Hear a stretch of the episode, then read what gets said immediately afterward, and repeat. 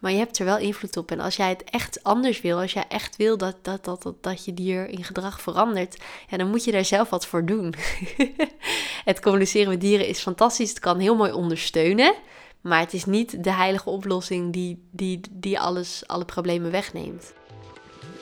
Hey, ik ben Ankie en dit is de In Verbinding met Je Dier podcast. Leuk dat je luistert. Ja, hallo allemaal en welkom bij weer een nieuwe aflevering van de In Verbinding met Je Dier podcast. Superleuk dat je er bent, superleuk dat je luistert. Vandaag wil ik het met jullie hebben over het instinct van het dier. Ehm, en vooral ook hoe je ermee om kunt gaan op het moment dat dat instinct uh, ervoor zorgt dat je dier bepaald gedrag laat zien wat niet fijn is of niet handig is of misschien zelfs wel een beetje gevaarlijk is. Ehm, als je met dieren communiceert, of ik dat nou doe, of iemand anders dat doet, of, of, of je dat zelf doet met je dier, want iedereen kan dit, iedereen kan dit leren. Uh, als er met je dier wordt gecommuniceerd, dan wordt er met de ziel van het dier gecommuniceerd. En dat is fantastisch. Uh, het zorgt er ook vaak voor dat het dier dingen kan uitleggen. Dus bijvoorbeeld waarom die bepaald gedrag laat zien of uh, hoe die iets ervaart. Hè. Dus het, het, het, communiceren met dieren zorgt er ook voor dat je je dier veel beter gaat begrijpen. Het zorgt er vaak ook voor dat je dier jou veel beter begrijpt. Toevallig had ik gisteren contact met een hond uh, waarvan een van de vragen van zijn baasje was van... Um, ja, ik heb een zwembad voor mijn hond neergezet, want het is hartstikke warm. En um, ja, ik wou graag dat mijn hond daarin ging om lekker af te koelen. Ik heb hem daar dat hele bad daar neergezet en die hond gebruikt hem niet. Waarom niet? En toen ging ik dus met die hond daarover in gesprek. En die hond had überhaupt het hele concept van een zwembad niet in de gaten. Die had gewoon iets van, ja, daar staat een ding met water erin. Ja, wat moet ik daar? Ja, blijkbaar willen ze, willen, willen mijn baasje dat ik er iets mee doe. Maar ik heb er geen idee wat ik ermee moet doen. Terwijl het wel een hond was die van water houdt. En ook wel zwemt als hij bijvoorbeeld uh, een meertje tegenkomt. Of uh, buiten in het bos bijvoorbeeld wat water tegenkomt. Maar ja, met zo'n zwembad kon hij gewoon niks, omdat hij dat überhaupt ook niet begreep. Dus op het moment dat ik met een dier communiceer, help ik het baasje om het dier beter te begrijpen. Ik help het dier om het baasje beter te begrijpen en om gewoon meer verbinding te creëren. Maar goed, soms zijn er dus mensen die komen bij mij van, nou, uh, mijn hond die zit uh, achter vogels aan. Um, ja, kun jij even vertellen dat dat niet de bedoeling is? Want ik wil dat mijn hond bij mij blijft. Nou, ik snap die vraag. uh, heel goed. Maar, en dat leg ik dan ook altijd uit, het instinct is wel altijd overheersend. Dus ik communiceer met de ziel van het dier. En met, met zijn ziel kan een dier heel veel begrijpen en bevatten en, uh, en uitleggen en vertellen en, enzovoort. En tegelijkertijd blijft het wel een dier. En een dier heeft altijd een instinct. En dat instinct is gewoon heel sterk. En dat is vaak sterker dan dat wat ik met de ziel van het dier uh, bespreek en overleg en communiceer. Dat zorgt er dus soms ook voor dat het in bepaalde situaties um, ja, dat dat, dus, dat dat dus overheerst. En dat je dier dan even vergeet, dat, dat je hond dan bijvoorbeeld even vergeet dat niet de bedoeling was om achter vogels aan te gaan. Maar daar kan hij dus niks aan doen, want dat is zijn instinct. Dat is niet dat een dier dan stout is of slecht luistert of niet wil luisteren, dat is zijn instinct. En ik merk ook wel vaak, of vaak, ik merk niet eens heel vaak, want ik leg het aan de mensen waar ik mee mag werken, aan de baasjes die bij mij een consult doen, leg ik altijd heel goed uit dat dat instinct dus altijd sterker is. Um, maar ik heb ook wel eens mensen gesproken die dan een consult hadden gedaan bij een andere dierentolk, die dat dus niet helemaal hadden meegekregen, of misschien niet hadden begrepen, of niet uitgelegd hadden gekregen dat dat instinct altijd sterker is. Dus die hadden dan een verwachting van, oh, als ik nou die dierentolk met mijn dier laat communiceren, dan gaat die dierentolk zeggen dat mijn hond niet meer achter, achter, achter die vogels aan mag jagen. En dan gaat mijn hond dat ook niet meer doen. Maar uh, vervolgens, als er dan een vogel tegenkwamen, deed die hond het wel weer. Of dan, ik heb ook al mensen gehad die zeiden, ja, de, mijn dierentolk heeft dat, of die dierentolk heeft dat toen met mijn dier besproken. En nou, uh, drie dagen was zijn gedrag anders en daarna verwaterde het weer. Of daarna werkte het niet meer. En dan heb ik wel, dan denk ik wel eens van ja, maar dat heeft ook wel een beetje te maken, of dat zeg ik dan ook wel eens, het heeft ook wel een beetje te maken met je verwachting. Want je kunt niet verwachten dat dat instinct van het dier helemaal verandert. Een dierentolk kan dat ook niet veranderen. Zelfs al zouden er dierentolken zijn die zouden zeggen dat ze het zouden kunnen veranderen, ik denk dat niet dat dat kan. Uh, ik ken niemand die dat zegt hoor. Maar stel voor dat iemand dat zou zeggen. Nou ja, dan ben ik heel benieuwd hoe diegene dat zou doen. Um, want dat instinct, dat is er gewoon. Dat hoort bij dieren. Wij hebben ook een instinct. Maar bij dieren is het allemaal nog net sterker. Dus ja, weet je, ja, dat is er gewoon. En dat is het. Daar hebben we het mee te doen. Maar goed, hoe ga je nou om met dat instinct? Nou ja, ik gaf net al een beetje dat voorbeeld van een hond die achter vogels aan uh, gaat. Dat geef ik niet voor niks, want dat heb ik nu met mijn eigen hond, Maya. Ik heb Maya nu uh, bijna vijf maanden. Ze is nu bijna vijf maanden bij mij. Het is echt oh, een fantastische hond. Ik ben zo ontzettend dankbaar dat zij in mijn leven is gekomen. Ehm, maar een van de dingetjes die ik dus wel een beetje lastig vind, of vond eigenlijk, het gaat nu heel goed, um, maar eerder dus lastig vond, was dus haar instinct rondom vogeltjes en andere kleine dieren, muizen en mollen. Zij heeft vorige, was het vorige week? Ik denk vorige week of de week daarvoor, heeft ze een levende mol uit de grond getrokken, jongens. dan denk hoe dan? Eigenlijk, eigenlijk heel knap. Want wat zij dus ging doen, was met haar aan het wandelen. En uh, op een gegeven moment rook zij wat. En zij begon een beetje te graven. Nou ja, dat doet ze wel vaker. En dat laat ik vaak, vaak wel gebeuren. Ik denk, nou ja, als jij dat leuk vindt, prima, ga jij lekker graven. Um, maar ze rook dus wat en ze ging dus graven. En ze was dus heel stil, op een gegeven moment ook een beetje aan het luisteren. Maar bij mij, het kwam bij mij allemaal niet helemaal binnen. Ik denk ook dat ik in mijn hoofd een beetje vol zat met mijn gedachten. Ik was hem niet helemaal aan het opletten. En in één keer steekt ze haar neus in de grond. En haalt ze haar neus weer uit de grond en zie ik iets spartelen in haar bek. En ik zat zo van, wow, wacht even, wat heb jij daar? En dat was dus gewoon een molletje die ze gelukkig ook weer gelijk losliet en die heel snel weer de grond inkroop. En toen kon ik haar ook makkelijk meenemen, of nou makkelijk, ze er niet bij weg, maar ik kon er even afleiden met, met wat lekkers en zeggen, kom maar even mee. Um, maar zij, zij trok gewoon een, een mol uit de grond een levende mol. Die er hopelijk niks in over heeft gehouden, want dat zou ik heel zielig vinden. Maar dat, dat is Maya, dat is haar instinct. En dan kan ik wel zeggen, oh dat mag niet, oh slecht, oh stoute hond. Maar het is geen stoute hond, het is haar instinct. Daar kan ze niks aan doen. Ehm, hetzelfde heeft ze met vogels, had ze met vogels. Nou, heeft ze nog een beetje met vogels, laat ik het zo zeggen. Want ik ben hiermee uh, uh, aan het trainen geslagen met haar. Ehm, maar wat ze dus had met vogels was dat zodra zij een vogel zag, ook al was ze in de verte, wou ze er gewoon in een sprint erachteraan. En als dat niet ging, omdat ze bijvoorbeeld aan de riem zat, dan ging ze keihard blaffen. Echt keihard blaffen. Dus eigenlijk een soort van uitvalgedrag, maar dan naar vogels. En um, ja, op zich geen mega ramp. Ik bedoel, je red je ermee. Maar het, het is niet echt leuk ontspannen wandelen, want ik zag gewoon dat haar stressemmertje heel snel vol liep door één vogeltje. Maar als je daarna, Ankie, hè, ik ben Ankie kennende, zeg maar, als Ankie zijnde loop je heel graag in het bos. In het bos zijn heel veel vogels. Dat weet je ook wel. Maar als je een hond hebt die uitvalt naar vogels, dan word je daar in één keer heel bewust van. Uh, dus dan kwamen we in een, in een uur tijd, kwamen we gewoon letterlijk gewoon, nou misschien wel 20 of 30 of 40 of 50 keer vogels tegen. Oh, en dat was op een gegeven moment dan zo vervelend. Want dan was, haar, was Maya's emmer helemaal overgelopen. Was helemaal gestrest. Helemaal blaffen. Helemaal, helemaal heftig door één vogeltje. En dan twee seconden later kwam er weer een volgend vogeltje. En wat dan ook heel irritant was, jongens. Je hoort dan een beetje aan mijn stem. Dat het dan, eh, daar had ik er zelf ook echt stress van. Maar wat dan ook heel irritant was, was dat, dat er dan voor ons op het pad dan ergens in de verte een vogeltje kwam. Nou, dan was Maya nog redelijk rustig. Maar hoe dichterbij ze kwam, hoe meer gespannen ze raakte. En dan hoopte ik eigenlijk dat die vogel, doordat Maya dan ging blaffen of naar die vogel toe ging rennen, dan, dat vond ik niet fijn gedrag. Maar dan dacht ik van, nou, dan is die vogel in elk geval wel weg. Dus dan is het voor nu eventjes een soort van, dat, dat het weer rustig kan worden, is het voor een soort van opgelost. Maar dan had ik ook vogels die dan dus ehm, uh, even aan de kant gingen, omdat Maya uh, richting hun kwam. Dus, maar dan hupte ze gewoon een paar meter verder, naar een paar meter verder. En dan gingen ze daar weer zitten. Dus ze vlogen niet weg. Dus dan bleef het, ja, bleef mij onrustig, bleef het opbouwen. Nou, op een gegeven moment ik, toen ik haar kreeg, was uh, eind januari kreeg ik haar. Toen waren er niet heel veel vogels buiten. Maar toen werd het lente en toen kwamen er steeds meer vogels buiten. En op een gegeven moment werd ik helemaal gek van de vogels. Maar vooral helemaal gek van, van, van het gedrag van Waya. Terwijl zij er dus ook niks aan kon doen, want dat was gewoon haar instinct. Maar man, het was echt niet echt leuk ontspannen wandelen. Um, dus op een gegeven moment dacht ik, ja, ik moet hier wel, nou ik moet niks, maar ik wil hier wel graag wat mee doen. Want ik wil gewoon rustig kunnen wandelen. En ik wil gewoon in mijn ideaal plaatje is, gewoon mijn ideale situatie is dat Maya vogels ziet. Ze mag hem best even zien, ze mag er best even naar kijken.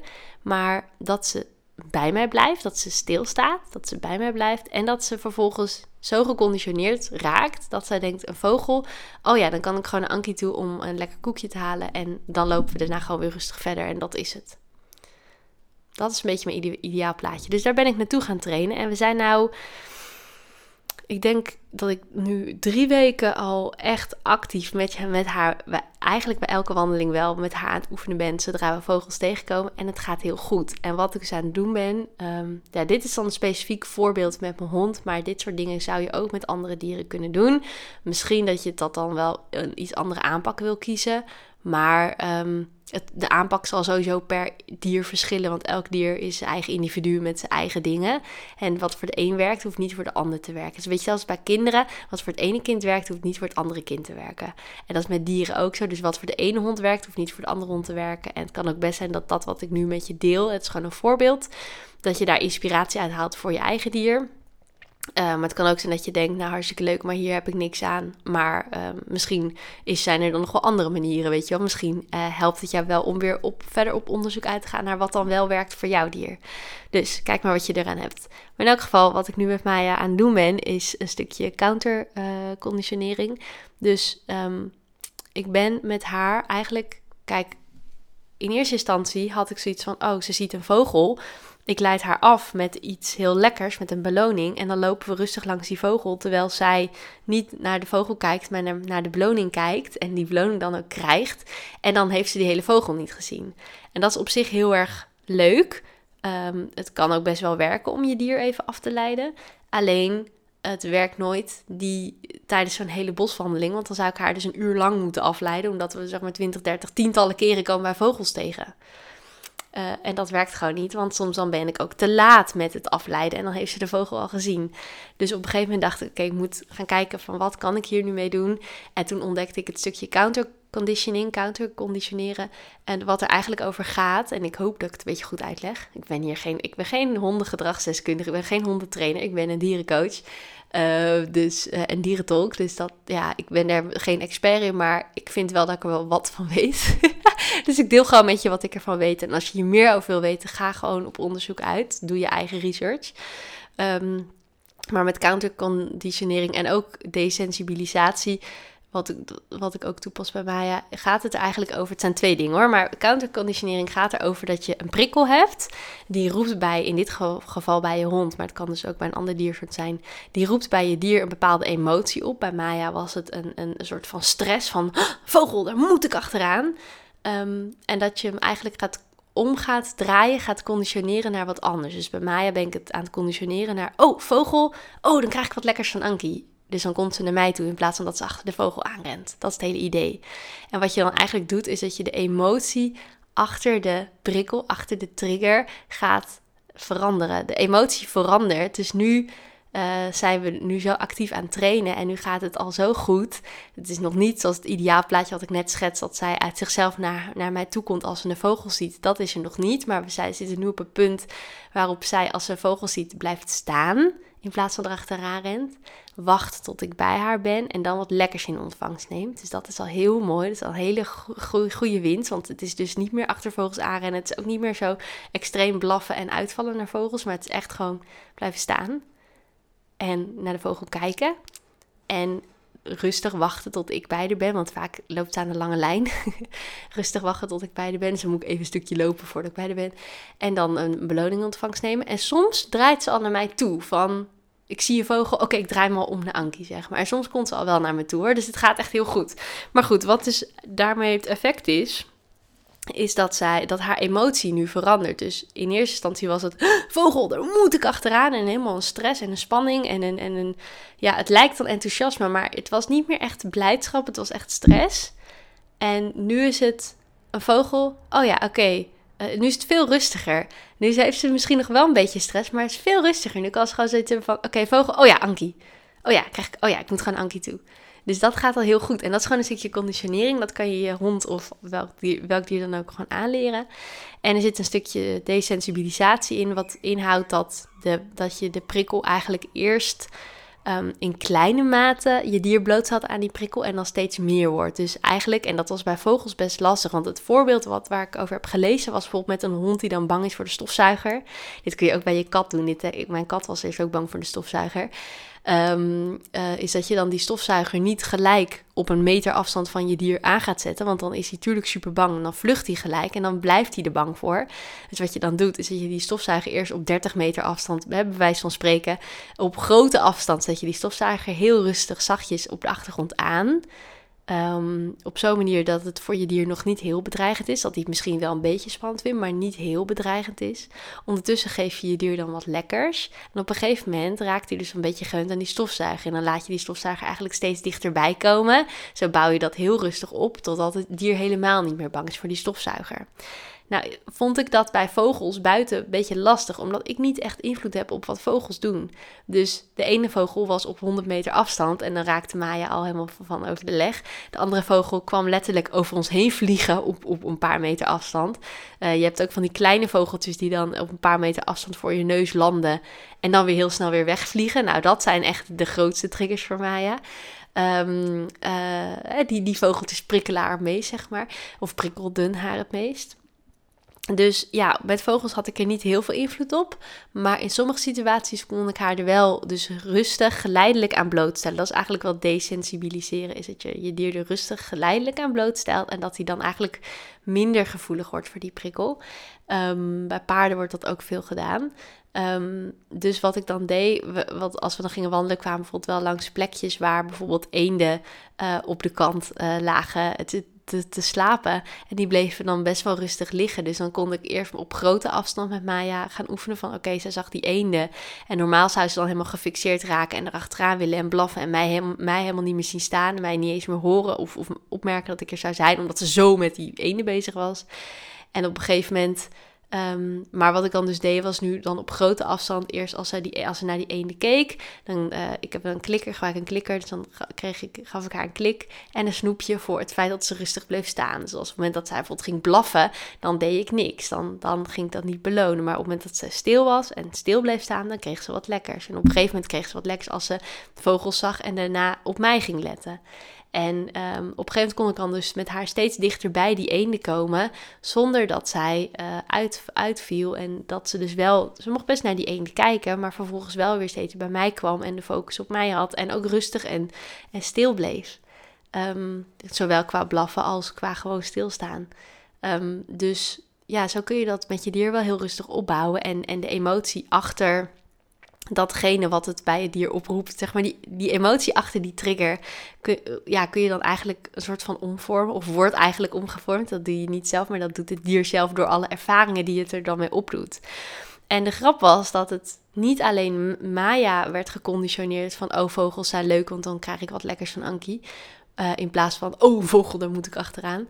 Maar ik werd zelf ook geconditioneerd door, door dit hele proces. Want op een gegeven moment ging het zo goed. In, en ga, nu gaat het ook nog heel goed. Maar op een gegeven moment begon het zo goed te gaan in, het, in dit oefenen met Maya.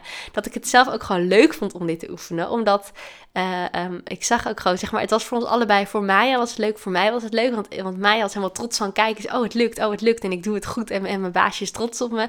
En ik was ook helemaal blij van, oh, kijk nou eens even hoe goed ze het doet, weet je wel. Dus op een gegeven moment kwam daar, kwamen we daar in een hele lekkere flow. En ik merk nu dus aan mezelf, als ik nu met haar op straat ga wandelen, of in het bos ga wandelen, dat ik dus zelf gewoon een beetje ga zoeken naar, oh, waar zijn vogels? Oh, waar zijn vogels? Want dat is leuk, want dan, dat is weer een leuk oefenmoment. En dat is wel heel erg grappig. Um, dus ja, dat, dat zijn wel hele leuke dingen. Um, dus eigenlijk wat ik met dit voorbeeld wil laten zien, wil, wil illustreren, is dat ja, je dier heeft een instinct. Nee, telepathisch met het dier communiceren lost het gedrag wat voortkomt uit instinctieve behoeften van je dier niet op. Dat is niet, dat is niet hoe telepathisch communiceren werkt. Dat is ook niet de verwachting die ik wil dat mensen hebben. Want ik denk niet dat dat lukt. Uh, in sommige gevallen kan het telepathisch communiceren er wel mooi bij ondersteunen. Dus ik heb Maya bijvoorbeeld wel uitgelegd waarom ik niet wil dat ze achter vogels aangaat. Ik vind het bijvoorbeeld, onder andere, vind ik het zielig voor de vogels als ze steeds worden weggejaagd en de schrik van hun leven krijgen omdat er een Maya achter ze aan zit. Maar het is ook gewoon gevaarlijk in de zin van stel dat Maya achter een vogel aanvliegt en zomaar een weg overrent en, en aangereden zou worden. Ja, dat kan gewoon niet, weet je wel. Want ik wil, ik zou het fijn vinden als ik haar op een gegeven moment ook los kan laten lopen in het bos. Um, dat kan nu in principe wel, behalve als we een vogel tegenkomen. Dus voor nu laat ik er nog even niet los. Als we verder zijn in dit proces en ze echt zo goed geconditioneerd is dat vogels uh, niet meer uh, reden zijn om, om uh, als vogels niet meer reden zijn om weg te lopen bij mij, zeg maar. Als ik gewoon weet dat zij zo geconditioneerd is dat ze ook bij mij blijft als ze vogels ziet, dan kan ze prima los. Want verder luistert ze echt fantastisch. Um, dus weet je, dat, dit zijn gewoon even van die dingen. Dus ik heb wel met haar overlegd en aan haar, uitgelegd, met haar besproken van... joh, ik vind het niet fijn als je achter vogels aangaat. Um, maar verder zit er ook gewoon een stukje werk in voor ons als baasjes... om onze dieren te leren om om te gaan met zo'n trigger, met zo'n prikkel. Hoe wil, jij, hoe wil jij dat jouw dier daarmee, omleert, uh, daarmee omgaat? En hoe kun je je dier dat leren? Hoe kun jij je dier daarbij helpen? Ik heb het ook eens gehad met een paard wat um, altijd heel gespannen was met rijden. En toen had, hebben we een consult gedaan en heeft dat paard daarover verteld hoe dat kwam. Dat hij altijd gespannen was, hoe het, hè, wat er dan gebeurde in zijn hoofd, hoe het voor hem was. En vervolgens kreeg ik ook uh, uh, een paar dagen later een heel enthousiast appje van het baasje van dat paard. Van nou moet je kijken, ook met, met foto's erbij van en filmpjes erbij. Van nou moet je kijken, het rijden gaat zoveel beter, er is zoveel meer rust. Nou, fantastisch natuurlijk. Maar later, een paar maanden later, sprak ik datzelfde baasje van dat paard. En toen zei hij van ja, of zei, toen zei zij van ja, uh, nou ja, het gedrag van paard is wel weer veranderd. En die spanning die is er weer, die is eigenlijk weer terug. Dat is, dat is nu nog steeds zo. En toen, zei, toen had ik daar met haar ook een heel mooi gesprek over. Toen zei ik ook van ja, maar er zit voor jou ook werk in. Want jij hebt ook invloed op je paard. En, en um, niet volledig invloed, want een paard heeft ook zijn eigen ervaringen meegemaakt, zijn eigen achtergrond, zijn eigen verhaal. Um, maar je hebt er wel invloed op. En als jij het echt anders wil, als jij echt wil dat, dat, dat, dat, dat je dier in gedrag verandert, ja, dan moet je daar zelf wat voor doen. het communiceren met dieren is fantastisch. Het kan heel mooi ondersteunen. Maar het is niet de heilige oplossing die, die, die alles, alle problemen wegneemt. Zeker niet. Daar moet je dus zelf wel wat voor doen. Dat, dat is eigenlijk wat ik ook een beetje wil illustreren met het voorbeeld van Maya en, en de vogels. En, en de training die ik dus daar nu op loslaat met haar. En dat gaat nu gewoon super goed. En nu vinden we het dus ontzettend leuk. Um, maar ja, eerder vond ik het echt van het voorjaar. Toen ik haar nog wat minder lang had. Nou, vijf, ik heb er nu vijf maanden, is ook nog helemaal niet lang hoor. Ik bedoel, ze is er nog maar net. Maar van het voorjaar, zeker toen in het begin, vond ik dat echt heel erg lastig. En dan vond ik het ook lastig. Op een gegeven moment dan was zij zo overprikkeld. Dan raakte ik er ook overprikkeld van. En dan kon ik zelf ook niet meer helemaal rustig blijven. Dus dan Um, nou, ik ben nooit echt boos op haar geworden, maar dan had ik wel zoiets van, nou, ik stop gewoon met lopen. Ik, ga gewoon, ik kan gewoon niet lopen, want dan was ze aan het trekken en, en wild aan het doen en blaffen. En ja, sorry jongens, maar ik kan niet lopen met een hond die trekt. Ik vind dat heel naar. Maya vindt dat ook naar, want die voelt dan ook die druk op haar tuigje en op haar lichaam. Dus dat is voor niemand fijn. Dus ik heb wel eens gehad in wandelingen dat zij zo overprikkeld was, zo uh, heftig op die vogels reageerde, dat ik gewoon zei van ja, sorry Maya, maar ik kan, ik kan nu even niet met jou verder lopen. Dus dan maar gewoon stilstaan en gewoon gewacht tot ze weer rustig was. En dan weer rustig verder. Maar dat was niet echt een fijne wandeling. Dat waren niet fijne wandelingen. Um, dus uh, ja, en op een gegeven moment merkte ik ook, hè, voordat ik hier met haar uh, naar, naartoe ging trainen, zeg maar, dat ik dan op een gegeven moment ook uh, plekken zag waar ik dan bijvoorbeeld vogels zag zitten of zo. En dat ik dan dacht, oh, dan lopen we wel even om of zo, weet je wel. Dan ga je het ook een beetje ontwijken, omdat je weet van, oh ja, mijn hond wordt daar helemaal wild van. En ja, dat is op zich ook niet erg, want soms is het ook, soms is het wel echt verstandiger om iets even te ontwijken, omdat je, als jij bijvoorbeeld al weet dat het prikkelemmertje, het stressemmertje van jouw hond al behoorlijk vol zit, en jij weet gewoon van, oké, als er nu nog iets gebeurt, dan kan het best zijn dat dat emmertje overloopt. Tuurlijk wil je dat voorkomen, dus soms is het heel functioneel om wel even iets uit de weg te gaan en iets te ontwijken. Maar ja, ik kom vogels echt overal tegen. Ik woon echt landelijk, ik, we wandelen elke dag in het bos. Ja, ik, kan vogels niet uh, altijd gaan ontwijken. Dus ja, nu zijn Maya en ik daar lekker mee aan het trainen. We zijn er lekker mee bezig en het gaat dus super goed. Ik vind het zo ontzettend knap van haar. Um, ik denk dat ze altijd wel een beetje een instinct zal houden. Het is haar instinct om achter vogels aan te gaan. Dus het zal best, zou best kunnen zijn dat het nooit helemaal overgaat. Dat dat altijd een, een aandachtspuntje blijft, want het is wel haar instinct. Maar met training en, en, en conditioneren en um, oefening hierin um, ja, kan dat echt wel verbeteren en kan dat echt zeker minder worden. Dat is in ieder geval wat ik bij haar zie. Dus dan denk ik van ja, weet je, um, wij hebben als baasjes wel gewoon ons werk te doen. In die zin dat als wij met ons dier tegen iets aanlopen, dat wij er zelf ook wel wat aan moeten doen. We kunnen niet van het dier verwachten dat het dier verandert door, door uh, even één gesprekje met een dierentolk. Dat is niet hoe het werkt. En ik, ik kom gelukkig bijna, bijna geen baasjes tegen die dat denken of vinden of verwachten of hopen hoor. Helemaal niet.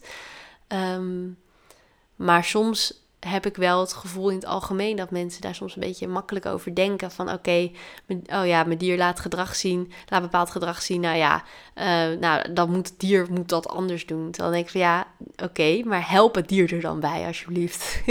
je kan niet van dier verwachten dat hij dat zomaar in één keer uit het niks verandert. Snap je? Dat is een beetje het punt dat ik mee wil maken. Nou goed, ik hoop dat je er wat aan hebt, dat je wat mee kunt. En nogmaals, ik ben dus hier geen expert in. Ik bedoel, ik ben het wiel ook maar gewoon het uitvinden met Maya. Het is mijn eerste eigen hond. Ehm, dus ja, als je hier nog verder nog vragen over hebt, je mag me gerust een berichtje sturen. Ik kan, wil zeker met je meedenken. Maar ik wil je ook vooral uitnodigen om je eigen onderzoek te doen. Om zelf op onderzoek uit te gaan. Wat werkt voor jouw dier? Wat, wat wil jij graag dat je dier anders gaat doen? En hoe ga jij je dier daarbij helpen? En wat werkt? En soms moet je ook meerdere dingen uitproberen om te ervaren wat werkt en wat niet werkt. Ehm, en soms heb je daar ook gewoon een beetje begeleiding, een beetje hulp bij nodig. Ja, kijk gewoon goed om je heen wie je daarbij zou kunnen helpen. Um, ja, en doe het werk, zeg maar. Dat is wel een beetje de, de boodschap die ik vooral wil meegeven. Doe het werk. Ga hiermee aan de slag met je dier. Tenminste, als het iets is waarvan jij denkt, waarvan je het echt anders wil hebben. Hè? Kijk, soms kan het ook best zijn dat je dier gedrag laat zien waarvan je denkt, nou, ik vind het niet heel fijn, maar nou, ik neem het voor lief. Dat is ook prima. Maar als, jij, als er echt iets is waar je echt met je dier tegenaan loopt, doe het werk. Ga het aan. Ga aan de slag. Dat is eigenlijk. Uh, wat ik met je wou delen. Dankjewel voor het luisteren. Dankjewel voor nu. Um, nou ja, laat me even weten wat je van de aflevering vond. Als je dat wilt delen, vind ik alleen maar leuk. Deel deze aflevering ook gerust met andere mensen die hier iets aan kunnen hebben. En uh, tot de volgende keer. Fijne dag. Leuk dat je hebt geluisterd naar de In Verbinding met Je Dier podcast. Vond je nou interessant? Deel hem dan vooral met anderen en laat mij weten wat je ervan vond. Wil je nou meer inspiratie en tips ontvangen? Volg me dan ook op Instagram, dierencoachankie. Tot de volgende!